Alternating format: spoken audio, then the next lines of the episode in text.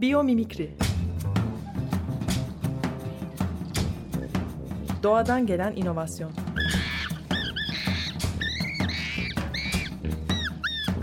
Hazırlayan ve sunan Zeynep Arhon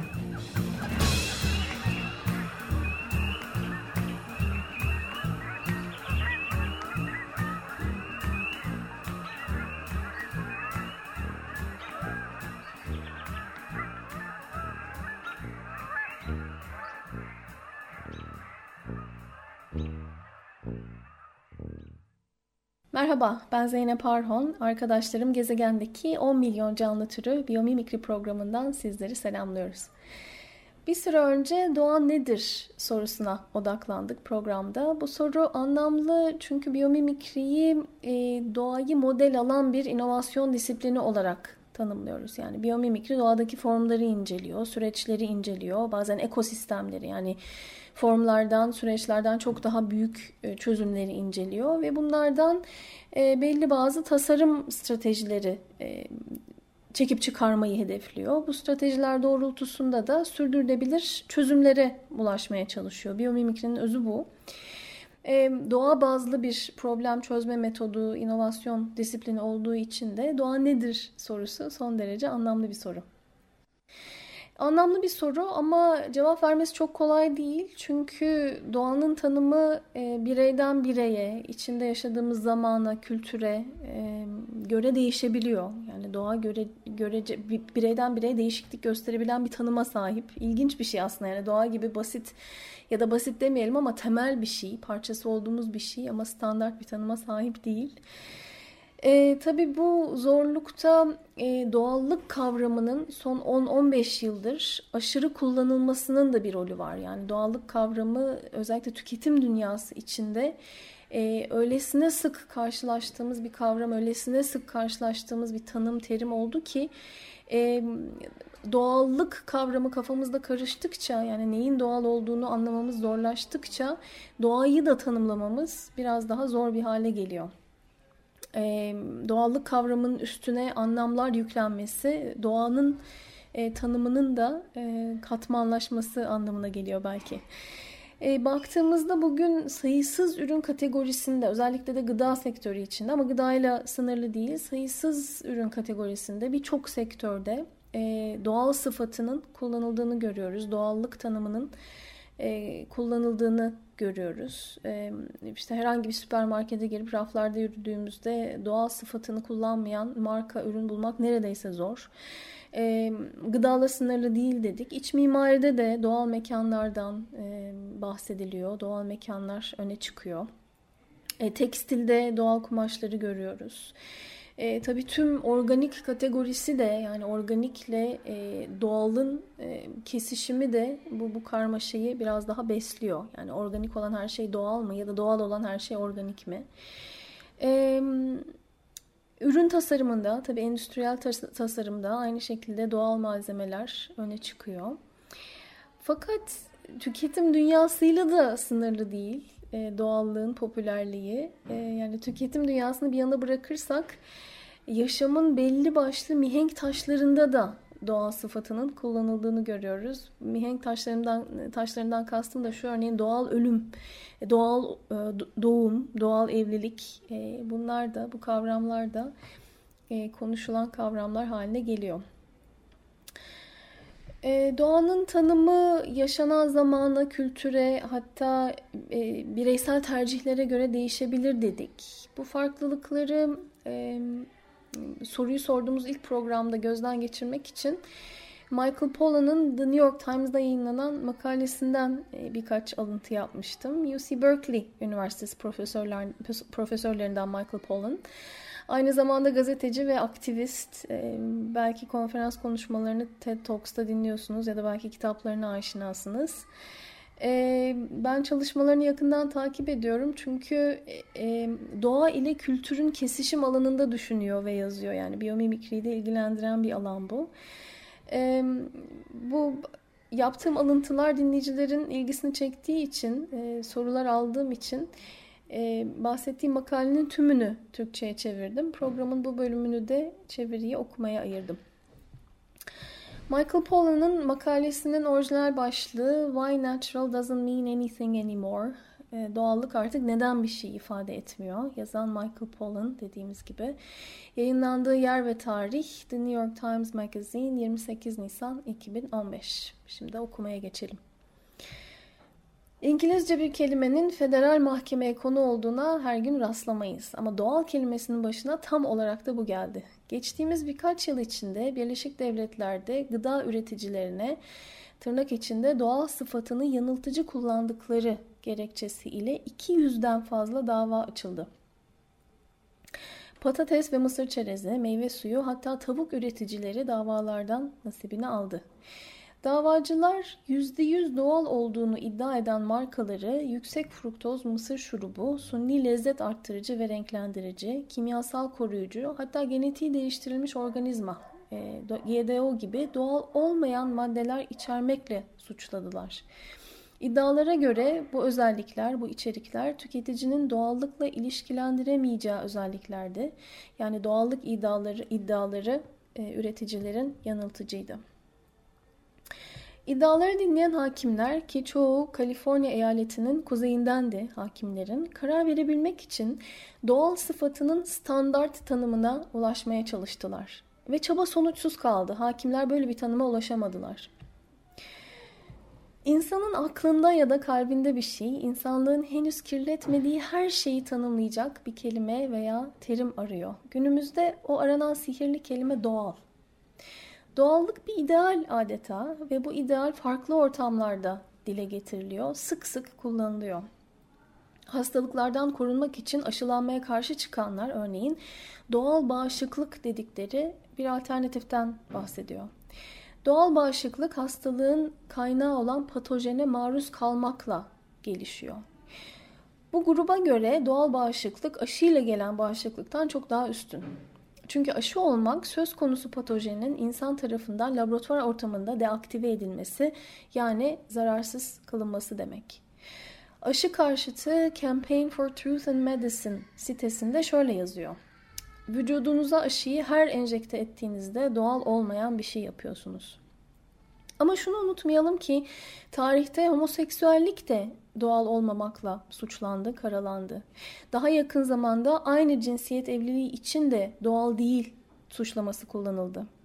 Family Research Council, Aile Araştırma Merkezi Konseyi, kadın erkek evliliğini doğal evlilik olarak tanımlıyor.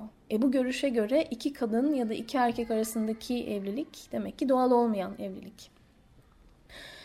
Doğal tanımını kullandığımızda tam olarak ne demek istiyoruz? Duruma göre değişir çünkü sıfat son derece kaygan bir sıfat ve farklı argümanlara alet ediliyor. Bu argümanların herhalde en kabul edilemez olanı doğanın insan dışında, insanın yaptığı ve ürettiği her şey dışında kalanı kapsadığı. Buna inanmak demek akıllı tasarıma inanmak demek oluyor. Yani creationism e, makaldeki orijinal hali terimin. Tanrı'nın yarattığı her şey bir tarafa, insanların yarattıkları diğer tarafa. Doğal bağışıklık söz konusu olduğunda doğal tanımlaması insan müdahalesinin yokluğu anlamına geliyor. Doğal bağışıklığı savunanlar insanın sağ, sağlığa müdahale etmemesi gerektiğini savunuyorlar.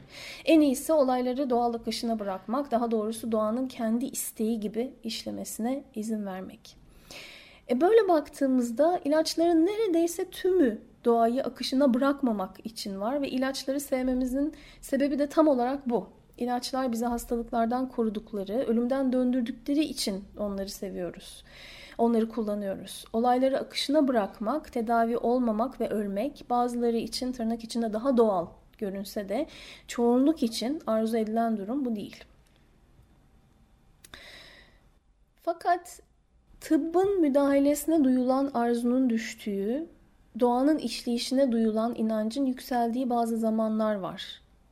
Örneğin doğum, son yıllarda insanlığın teknolojik dehasının reddedildiği ve doğal doğum olarak tanımlanan sürecin yüceltildiğini görüyoruz. Aynı şekilde ölüm, doğal ölüm kavramı da popülerlik kazanıyor.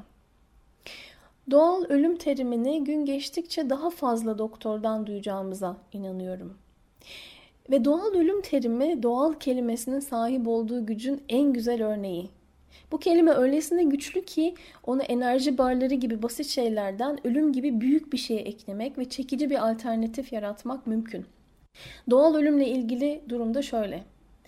Yaşamın sonuna yaklaşmış, bilincini yitirmiş, aletler yardımıyla nefes alan hastaların yakınlarını düşünün. Bu yakınları hastaya müdahale etmemeye ikna etmek zordur.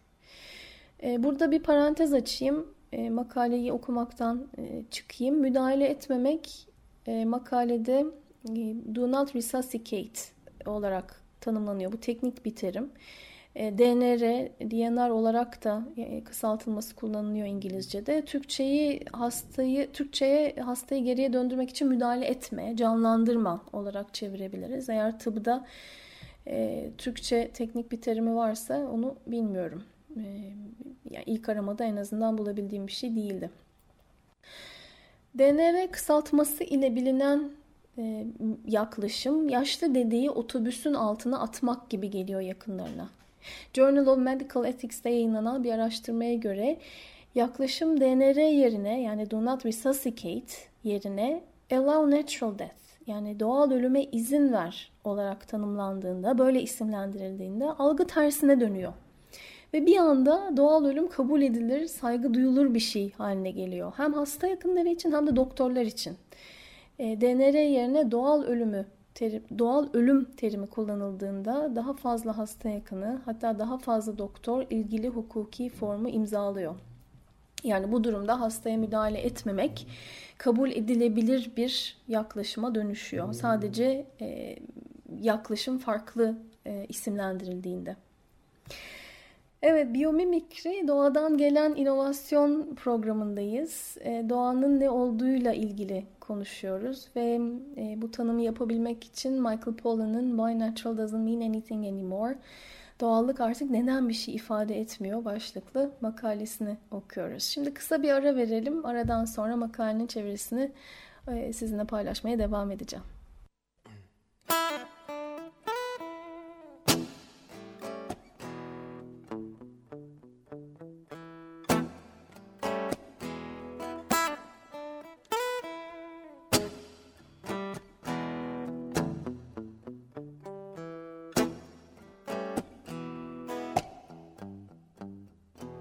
What if half the things ever said turned out to be a lie?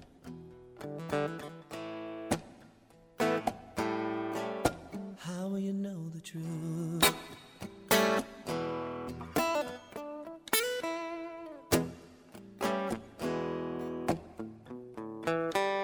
If you were given all the answers you stop to wonder why.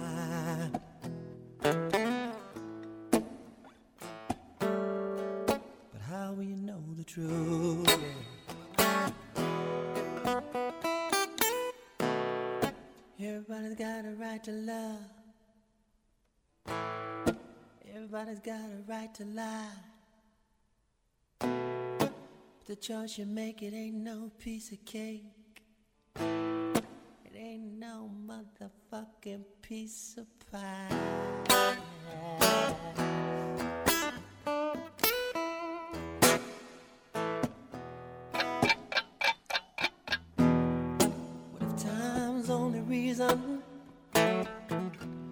Give us all something to feel? And if so, y'all, the end of the journey's so clear.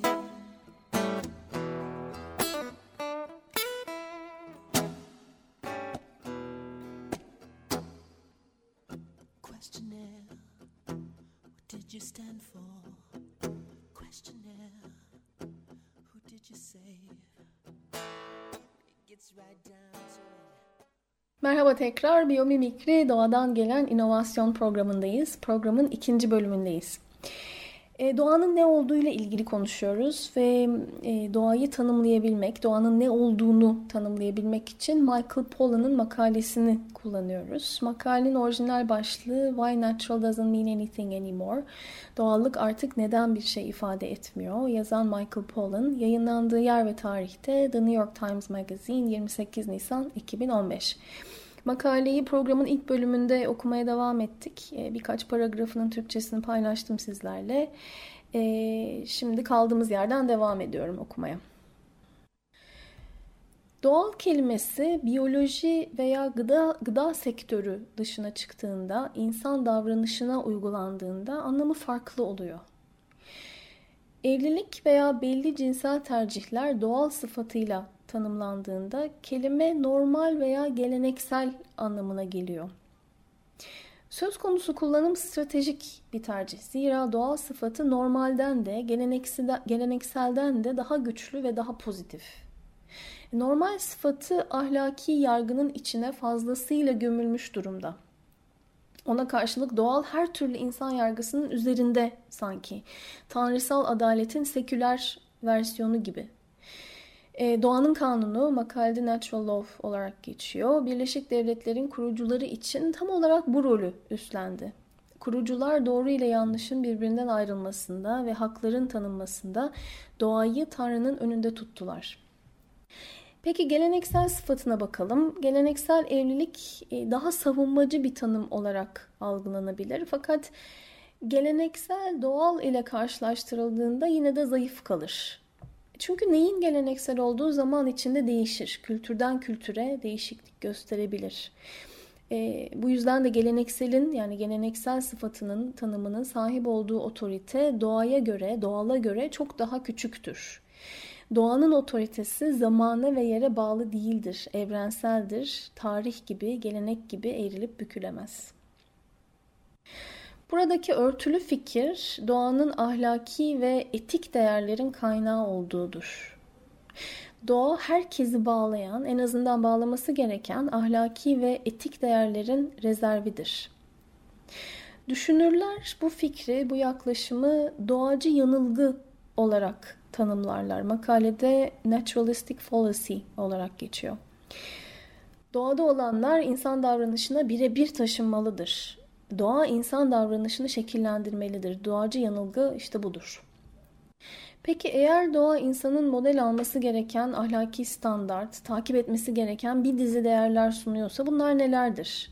Kanlı dişler, kanlı pençeler gibi gaddar, rekabetçi değerler midir? Yani her insan kendisi için mi savaşmalıdır?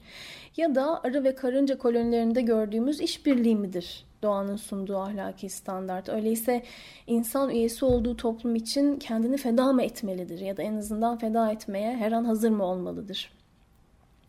Aynı cinsiyet evliliğini destekleyenler doğaya bakarak hayvanlar alemi içinde monogami örnekleri bulabilir. Ama hayvanlar aleminde poligaminin de bolca, bolca örneği vardır. Hatta hayvanlar aleminde homoseksüelliğin de varlığına dair bulgular gün geçtikçe birikmektedir. Bilimsel bulgular. Bu arada hayvanlar aleminde tecavüze benzeyen davranışlar olduğunu, hatta yavru kıyımına rastlandığını unutmayalım. Peki ya sıradan ev kedisinin sadizmine ne demeli? Amerikan Püritanlarının doğayı Tanrı'nın ikinci kitabı olarak tanımladığını hatırlayalım. Bugün gördüğümüz yaklaşımlara paralel olarak e, doğayı ahlaki yönlendirmeler bulmak için okudular. Fakat nasıl İncil'i farklı şekillerde yorumlamak ve hemen hemen istediğimiz tüm argümanları desteklemek için kullanmak mümkünse doğayı da farklı argümanlara alet etmek mümkündür. Kaptan Ahab'ın balinasının büyüleyici beyazlığı gibi doğa görmeyi dilediğimiz her şeyi yansıtabileceğimiz bembeyaz bir projeksiyon ekranıdır adeta. Peki hemen hemen her şeye doğa sıfatını yapıştırabilir miyiz? Bence hayır. E, felsefi bilgilik beklediğimiz ilk yer olmasa da bu konu için Food and Drug Administration'a bakabiliriz. E, burada makaleyi okumaktan çıkıp yine bir parantez açayım ve Wikipedia üzerindeki e, tanımı sizinle paylaşayım. Food and Drug Administration, Amerika Birleşik Devletleri'nin Sağlık Bakanlığı'na bağlı gıda, diyet eklentileri, ilaç, biyolojik medikal ürünler, kan ürünleri, medikal araçlar, radyasyon yayan aletler, veteriner aletleri ve kozmetiklerinden sorumlu bürosudur. FDA kısaltmasının açılımı US Food and Drug Administration olup Türkçe Amerikan Gıda ve İlaç Dairesi olarak ifade edilebilir. Kaynak Wikipedia. Şimdi parantezi kapatıp tekrar makaleye dönüyorum. Federal hakimler doğal sıfatının tanımı üzerinde anlaşamadıklarında hakimlerin üçü Birleşik Devletler e, Food and Drug Administration'a yani e, Amerikan Gıda ve İlaç Dairesi'ne bir mektup yazdılar. Ve e, dairenin doğal kelimesinin tanımını yapmasını istediler.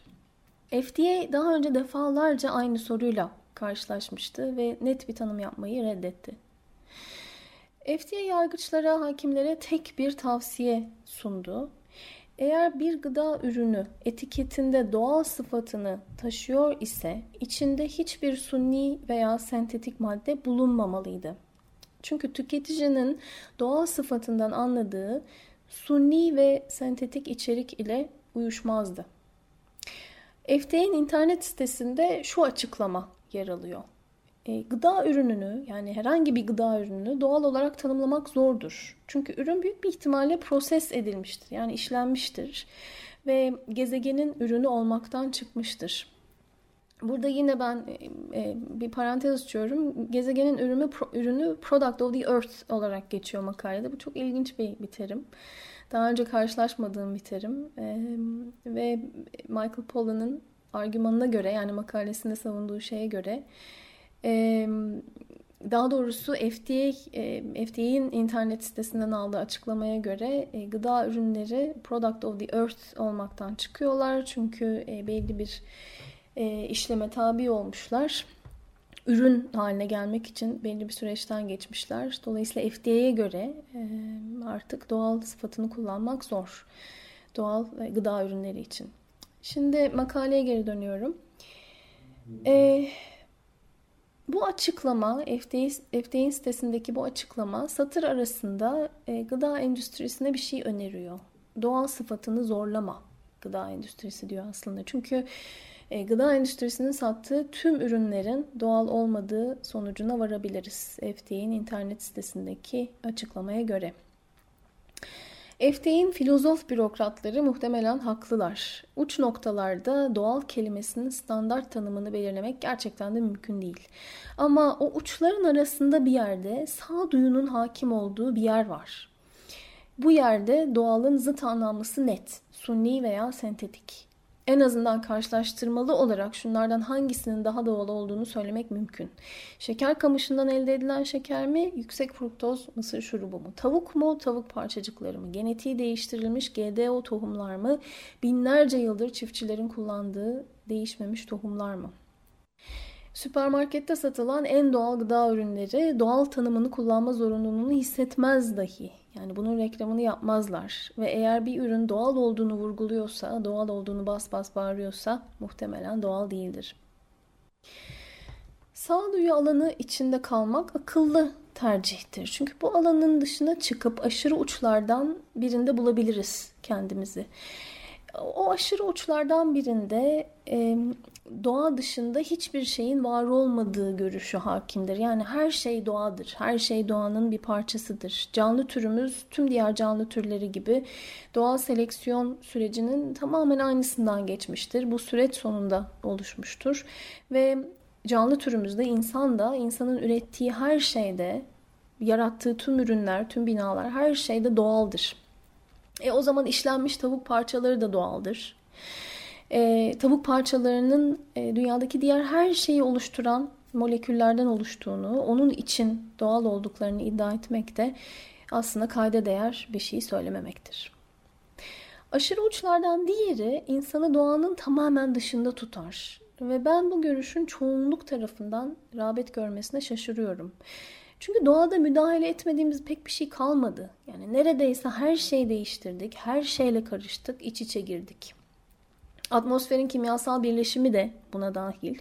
E, markette satılan sayısız bitkinin, hayvanın genetik yapısı da buna dahil. Ki düşünün ki aslında bitkiler, hayvanlar zaten e, tarım gibi, pişirme gibi kültürel insan davranışları sonucunda binlerce yıldır değişiyordu. Ve biz onları genetikleriyle oynayarak daha da e, hızlı bir şekilde değiştirdik. Doğa insanın dışında kalandır düşüncesine inanırsak artık doğa yok. Değerlerimiz için herhalde başka bir kaynak aramayız, aramalıyız. Evet makaleyi e, makaleyi okumayı tamamladık. E, Michael Pollan'ın Why Nature Doesn't Mean Anything Anymore başlıklı makalesi. E, burada tabii belli ürün kategorilerine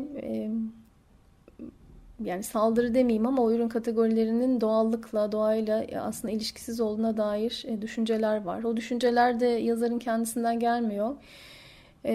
FDA'in kendi internet sitesinden geliyor.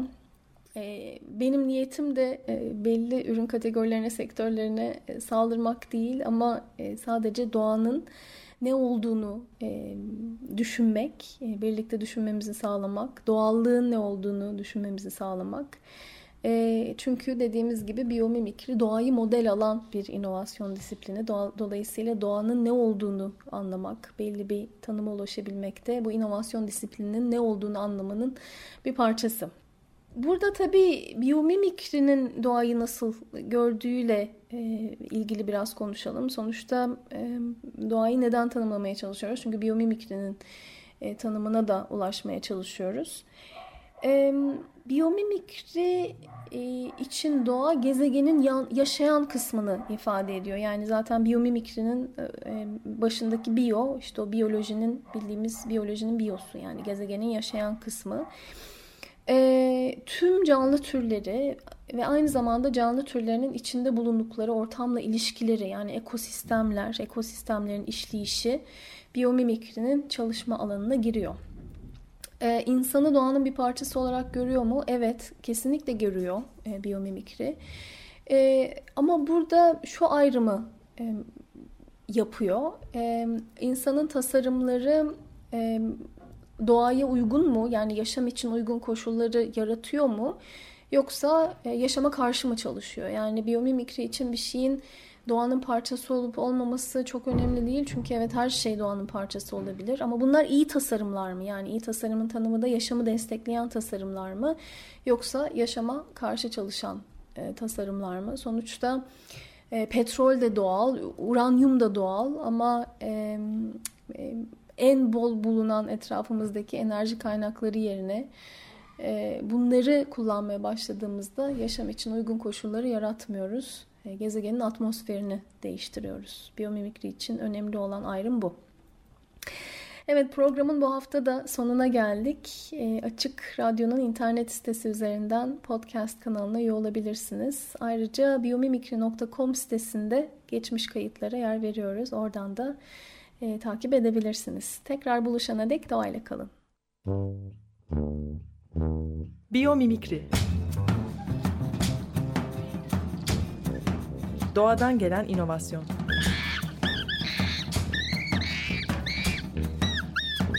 Hazırlayan ve sunan Zeynep Arhon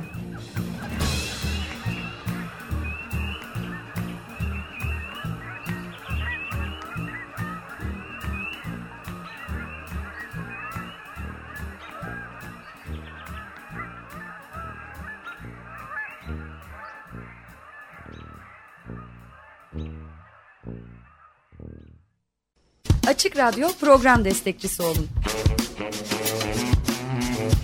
Bir veya daha fazla programa destek olmak için 212 alan koduyla 343 41 41